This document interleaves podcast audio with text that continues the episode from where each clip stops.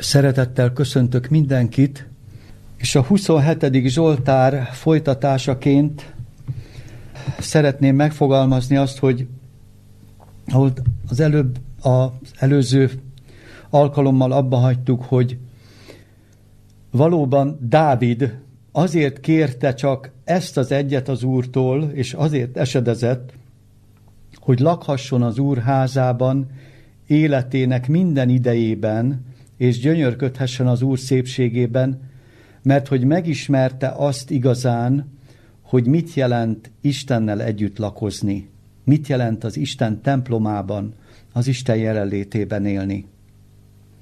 Aki ezt egyszer megtapasztalja az életében, és ezt Dávid többször megtapasztalta, hogy mit jelent Istennel együtt lenni, mint szerető apával, testvérrel, baráttal, aki a legjobban szeret minket, az tényleg nem tud mást kérni, mint hogy lakhasson az úrházában életének minden idejében.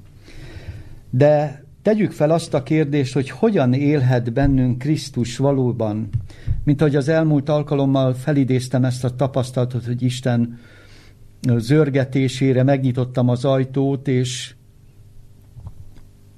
belépett Jézus a szívembe, és és azt a szeretetet, azt a békét, azt a nyugalmat alig lehet szavakba önteni, amit ekkor az ember átél. De hát ez, ez egy szép állapotnak tűnik, de hogy lehet ezt megőrizni? Hogy lehet ebben élni folyamatosan? Hogy lehet ezt az életet, ezt a fajta örök életet élni, már itt a földi élet közepette, ahol háború van, ahol önzés, gonoszság, ahol sok-sok problémával néz szembe az ember, és magában is érzi azt a visszahúzó erőt, hogy ezt, az, ezt a kapcsolatot elveszítse. Egy Biblia verset idéznék ismét fel, a 2 Korintusi levél 13. fejezet 5. 6. vers, 5. versét pontosabban. Így szól. A második korintusi levél 5. 6. verse, és egy kicsit pontosítom majd a fordítást. Kísértsétek meg magatokat, ha hitben vagytok-e, és magatokat próbáljátok meg. Avagy nem ismeritek-e magatokat, hogy a Jézus Krisztus bennetek van? Kivéve, ha méltatlanok vagytok. Most egy kicsit pontosítsuk ezt a fordítást, mert a kísértsétek meg magatokat helyén így is lehet fordítani, és ez is ez helyesebb így.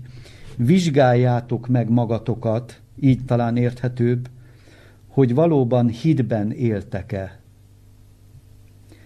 Tegyétek próbára magatokat, és vagy talán nem tudjátok, hogy a Jézus Krisztus bennetek él, vagy bennetek akar élni.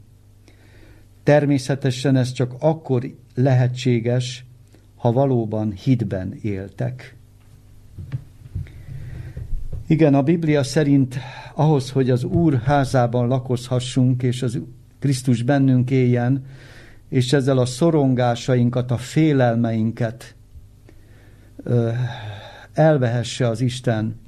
Mert hogy ettől szenvedünk, hogy feszültek vagyunk, szorongunk, félelmek között éljük az életünket. És ezért hát Krisztus nem tud igazán érvényesülni az életünkben. Egy esetben viszont igen. Vizsgáljuk meg magunkat, hogy hitben élünk-e. A Biblia szerint Jézus hitáltal tud a szívünkben lakozni. Így mondja az Efézusi levél harmadik fejezet 17. verse, hogy lakozzék a Krisztus a hit általati szívetekben. Nagyon fontos ezt tudatosítanunk, hogy Krisztus nem tud másképp lakozni a szívünkben, csak hitáltal, vagyis hogyha mi igazán megbízunk benne. Ha mi teljesen rábízzuk magunkat, és hogyha az életünket, és így folytatódik az ige, a szeretetben meggyökerezvén és alapot vévén, hogy megérthessétek minden szentekkel egybe, mi a szélessége, hosszúsága, mélysége és magassága az Isten jóvoltának, és megismerjétek a Krisztusnak minden ismeretet felülhaladó szeretetét, hogy eképpen beteljesedjetek az Istennek egész teljességéig.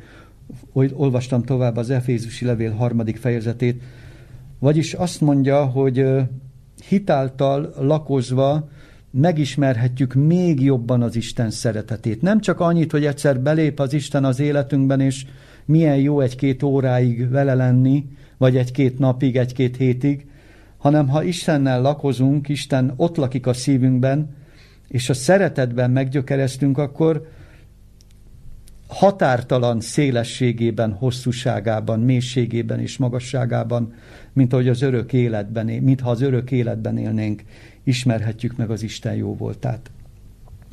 De visszatérve erre a kérdésre, hogy kísértsük meg, vagyis próbáljuk meg, vizsgáljuk meg magunkat, hogy hitben élünk-e, mert ha nem hitben élünk, Krisztus nem lakozhat a szívünkben. Ki van zárva, hogy ha nem bízunk meg benne, akkor Krisztus a szívünkben lakozzon. De mi is az, hogy hit? Mi is az, hogy hinni? Azt olvashatjuk az alap gondolatát a hit meghatározásának a zsidókhoz itt levél 11. fejezet első versében, hogy a hit pedig a reménylett dolgoknak valósága és a nem látott dolgokról való meggyőződés. Igen, a hit ilyen érdekes kifejezés, hogy a reménylett dolgok, tehát ezt se látjuk, csak reménylünk valamiben, ami valóság, csak a reménység a valóság, és nem látott dolgokról való meggyőződés. És itt szeretném felvetni azt a kérdést, hogy amikor mi minden nap éljük az életünket, a mindennapi életünket éljük, akkor általában miből szoktunk kiindulni, ami mindennapi életünkben milyen nézőpontunk szerint éljük az életünket, milyen nézőpont szerint, milyen látásmód szerint éljük az életünket. Hitbeli látásmód szerint, vagy pedig tehát a, a nem látott dolgokról van meggyőződésünk, a reménylet dolgokat valóságnak tekintjük, vagy pedig a következők szerint. És általában én azt gondolom, hogy az utóbbi jellemző ránk. Amit a valóságban látunk, az van. Ez van, ez tetszik, vagy nem tetszik, ezzel kell beérnünk, mert ez a valóság. És ez nagyon elkeserítő tud lenni sokszor, ugye?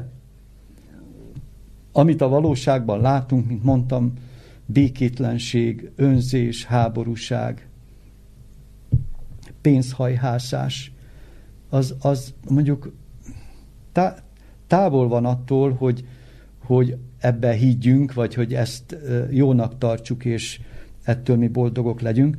Tehát ezért mondom, hogy amit a valóságban látunk, ne abból induljunk ki, ha hinni akarunk de ne is a tapasztalatunkból. Van, amikor a tapasztalat szerint gondolkodunk és cselekszünk. Még csak ezt sem mondja hitnek a Biblia, hogy mit tapasztalunk, amit tapasztalunk, csak az van. Vagy amit tapasztaltunk az életünkben. Aztán meghatározzák a hit helyett a saját gondolataink, a személyes elképzeléseink és az érzelmeink hogy hogyan viszonyulunk a valósághoz. Ezt még egyszer szeretném hangsúlyozni. Mi határozza meg a valósághoz való viszonyunkat? A saját gondolataink, elképzeléseink és az érzelmeink határozzák meg a valósághoz való viszonyunkat. Hogy hogy érezzük magunkat, hogy mit gondolnak rólunk az emberek, mit gondolunk mi az emberekről, és mit gondolunk mi magunkról. Hát ilyenek vagyunk mi emberek, e, e körül járnak a gondolataink. Ez nem hitbeli gondolkodásmód. Ez nem az a nézőpont, ami arra vezetne, hogy amit mond, ugye Pál apostol mondta, hogy hát vizsgáljuk meg magunkat, hogy vajon hitben vagyunk-e, hogy a Jézus Krisztus bennünk élhet-e. Hát ha nem vagyunk hitben, akkor a valóságból indulunk ki, a tapasztalatainkból indulunk ki, a saját gondolatainkból, saját elképzeléseinkből, saját akaratunkból, és az érzelmeink határoznak meg minket. Ezzel szemben a hit az, mint olvastam, a reménylett dolgok valósága és a nem látott dolgokról való meggyőződés. És a második korintusi levél segít bennünket, hogy ne azt a valóságot szemléljük, amit magunk látunk csak pusztán, és csak abból induljunk ki, hanem a következőt mondja az apostol, lerontván okoskodásokat és minden magaslatot, amely Isten ismerete ellen emeltetett, fogjul ejtvén minden gondolatot, hogy engedelmeskedjék a Krisztusnak. Roncsunk le minden okoskodást, minden magaslatot, mely Isten ismerete ellen emeltetett, mondja az ige. Az Isten ismeretére fókuszáljunk, ne bölcselkedjünk a valóságból, meg a tapasztalatainkból, meg az érzelmeinkből kiindulva, és ejtsünk fogjul minden gondolatot, így mondja, hogy engedelmeskedjék a Krisztusnak. És itt szeretném nektek felidézni, hogy mit jelent, hogy fogjul ejtsünk minden gondolatot. Hát amikor rossz irányba kalandoznak a gondolataink, amikor, amikor keserűségek és rossz, negatív gondolatok akarnak úr, eluralkodni a szívünkben, a gondolatainkban, akkor ejtsük fogjul a Krisztusnak. Így mondja, hogy fogjul ejtvén a gondolatot, hogy engedelmeskedjék a Krisztusnak. Ezt kérte Dávid is. Itt érkezünk vissza a Zsoltárhoz. Azért esedezem, hogy nézhessem az Úrnak szépségét, és gyönyörködhessem az ő templomában. Ilyen érdekes kérés. Szoktunk ezért esedezni, hogy elfordítsuk a fejünket attól a hamis valóságtól, amit sajnos elénk vetít az ellenség sokszor, és higgyük azt, hogy csak ez van, hanem megtanuljunk gyönyörködni, nézni, azt kérem, hogy nézhessem, és gyönyörködhessem az Úrnak szépségében. És mindjárt ott vagyunk a hitnél. Mindjárt ott vagyunk ismét Krisztusnál. Mindjárt ott vagyunk, hogy fogjul ejthetjük a gondolatainkat a Krisztus beszédével, ahogy folytatódik az ige, gazdagon. Fogjul ejthetünk bibliai, igei gondolatokat Krisztusról, és ebben a pillanatban már mindjárt hitben is élhetjük az életünket. Kívánom, hogy tanuljuk ezt meg, hogy kizárni azt mindig az életünkből, hogy ami van, csak az van. Amit érzünk, csak az van. Ez nem hit. A gondolataink és érzéseink egy magasabb szintre kell, hogy emelkedjenek. Így olvasom befejezésül ezt a tanácsot Ellen White a Krisztushoz vezető lépések című könyvéből, hogy sokszor ellenőrizzük le, hogy hol járnak a gondolataink a következő képpen. Kié a szívünk, kivel foglalkoznak gondolataink, kiről, miről szeretünk beszélgetni, kire irányulnak a legbensőségesebb, legszentebb érzéseink, mire fordítjuk legjobb erőinket. Ez nagyon érdekes kérdés, hogy kire irányulnak legbensőségesebb és legszentebb érzéseink. Ugye ismerjük ezt a legbensőségesebb és legszentebb érzéseket. Hát ne engedjük át az ellenségnek ezeket, mert vannak legbensőségesebb gondolatok és érzések, amiket Krisztus szeretne jó irányba terelni. Mire fordítjuk legjobb erőinket? És itt folytatódik.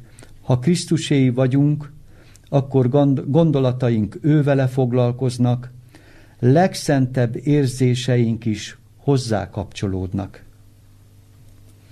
Ha Krisztus séi vagyunk, akkor gondolataink ővele foglalkoznak, és legszentebb érzéseink is hozzá kapcsolódnak.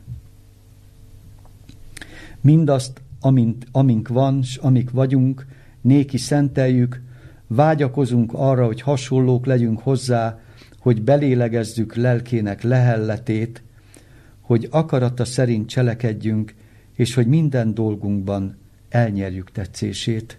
Hát ezt kívánom mindannyiunknak, hogy így éljünk hitben. Vizsgáljuk meg magunkat, hogy vajon hitben vagyunk-e.